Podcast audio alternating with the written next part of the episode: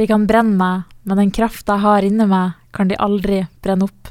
Det er et sitat fra boka 'Ildtunge' av Elin Hansen, og dette sitatet har bl.a. inspirert Hansen til å lage et sjal.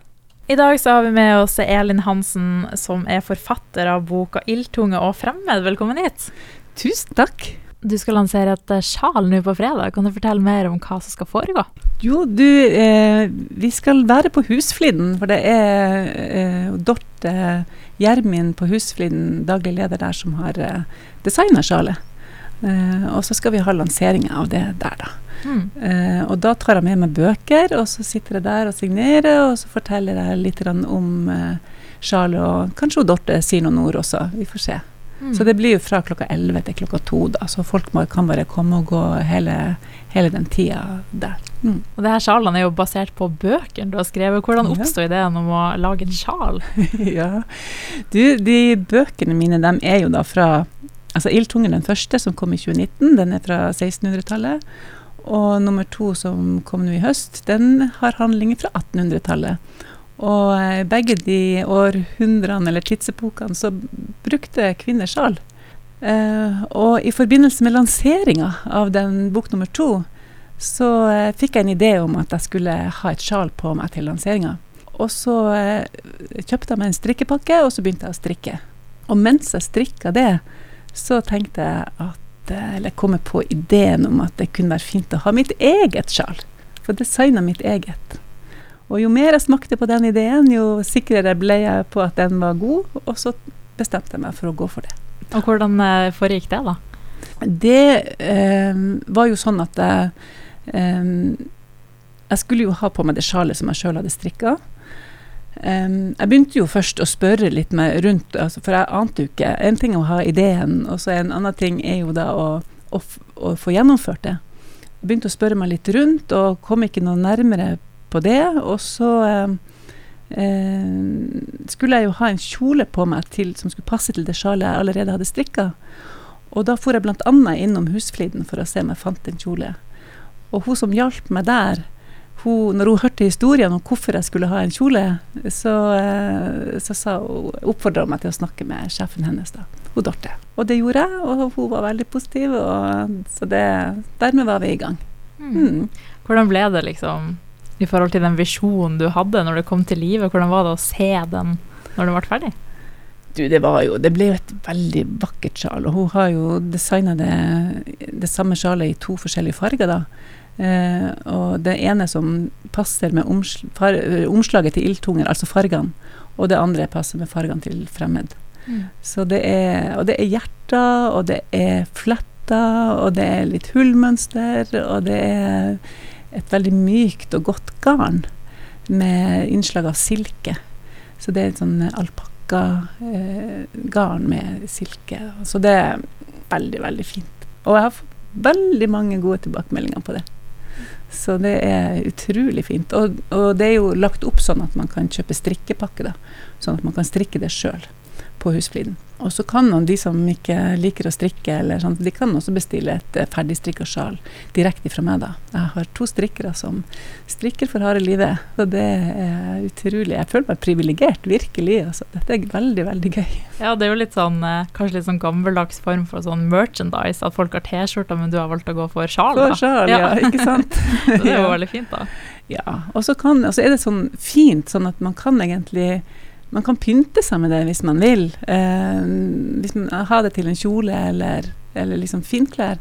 Eller man kan bruke det som vanlig skjerf. Eller man kan bare ha det til hverdags og ha det utapå en ytterjakke. Eller. Mm. Mm. Så det er anvendelig. Og de her bøkene du har skrevet, da, hva, hva handla de om? Og hvordan fikk du inspirasjon til å skrive de bøkene? Ja, det var det. Eh, Tittelen på den første boka ble jo da til Ildtunge-trilogien.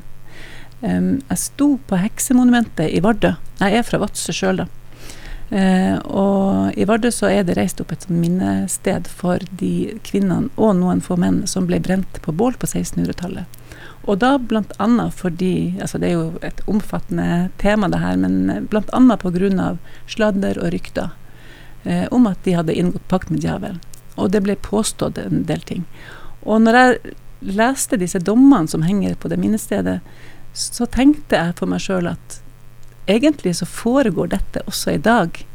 Det er bare at det er på en annen måte. Det fysiske bålet er borte, men konsekvensene kan være vel så alvorlige for, eh, for de som opplever det i dag, da. Og um, dermed så oppsto ideen til å skrive den boka. Og når jeg hadde kommet et stykke ut i den boka, så kom resten av ideen om å skrive en trilogi der, der jeg ville trekke den røde tråden fra 1600-tallet frem til i dag. Mm. Sånn at nå er nummer to, som foregår på 1800-tallet, ferdig, og så har jeg begynt på nummer tre, som skal være fra nutid. Og den debutboka kom jo ut nå i 2019. Hva var det som at, uh, gjorde at du fikk inspirasjon nå liksom, i voksen alder til å skrive din aller første bok? ja, si det.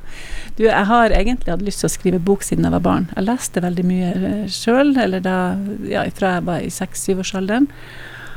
Og um, jeg leste uh, Det var spesielt Fem-serien og Frøken Detektiv og Hardy-guttene og de der. Og jeg syntes det var veldig spennende bøker, og jeg var veldig fascinert av, som, så tidlig i livet av at man kunne skrive en hel sånn verden som man kunne dykke ned i og bli helt oppslukt av. Uh, og uh, jeg husker det veldig godt da jeg var i åtteårsalderen at jeg tenkte at jeg hadde lyst til å skrive min egen bok. Og så har nå årene gått, og jeg har hele tida hatt lyst til å skrive denne boka. Og har kommet på masse ideer underveis. Men da sto det heksemonumentet i, i Vardø, så bestemte jeg meg for at dette skulle jeg gjennomføre. For jeg hadde mange ideer før, men aldri gjennomført. Og så mm. har jeg gjennomført nå, da. Mm. Var det skummelt å bare ta det valget og være sånn nå gjør jeg det? Ja, det var skummelt til å begynne med. Eh, det var Jeg hadde jo skrevet noe før også, så jeg har, jo noe som ligger i skrivebordsskuffa, for å si det sånn, eh, som jeg ikke har tort å vise til noen. Og ikke engang mannen min fikk lov å se hva jeg skrev. Mm. Så det å skrive, det er liksom så personlig. Så det å skrive, det, du, man kan føle at man utleverer seg sjøl. Um, så det var en liten terskel, da. Men når jeg først hadde altså Jeg bestemte meg jo der og da for at jeg skulle gjøre dette, og jeg skulle selge den boka, og uh, da måtte jeg snakke høyt om det, følte jeg. Og så jeg fortalte det først til en venninne. Det var første gangen jeg sa det høyt, altså i tillegg til at mannen min visste om det. Og da, når at eh, det ikke var så skummelt, så torde jeg å si det høyt til flere. Og så etter hvert så oppretta jeg gruppe på Facebook og, og, fikk veldig masse positive tilbakemeldinger og sånn. Og til slutt så nå er det ikke noe skummelt i det hele tatt. Nei. Nei så det har vært en liten vei å gå, da. Men, ja. ja. Og så kommer du nå en tredje bok. Når har du planer om å ut i den? ja, si det. Det tok meg nesten fire år å skrive den første. Og så eh, sa jo Var det flere som spurte eh, med hvor lang tid det kom til å ta før neste bok kom. Og da sa jeg ja, det skal i hvert fall ikke gå fire år. Men så gikk det fire år. Mm. Så derfor så tør jeg ikke å si noe nå. Eh, jeg tror ikke det skal gå fire år. men man, man, vet jo aldri. Det er jo tidkrevende å skrive bok, altså. Mm. Det skal mye En ting å skrive, men så skal du gjennom en masse prosesser før det blir bok, da. altså. Og så helt til slutt, da, det var nå på fredag. Når og hvor er det det foregår, og hvorfor tenker du at folk bør komme og ta turen der og se på sjal og boksignering og alt som er? Ja, det skal foregå på Husfliden i Bodø, eh, og det er klokka 11 til klokka 2. Og så eh, vet jeg jo at det er veldig mange strikkeglade mennesker i denne byen, eh, så absolutt kom innom og se hvor fint det sjalet er blitt. Og om at man eh, ikke kjøper, så har man i hvert fall Kanskje man får en idé til seinere, eller en gaveidé, eller, eller noe. Og så har jeg jo bøkene, og jeg vet jo det er veldig mange som ikke vet om disse bøkene. Så det er jo en veldig fin anledning til å få vise de fram også. Selv om det er masse masse mennesker som allerede vet om dem og har kjøpt, så vet jeg det er jo enda flere som ikke vet. Supert. Tusen takk, og så masse tvi-tvi på fredag. Tusen hjertelig takk, og takk for at jeg fikk lov å komme.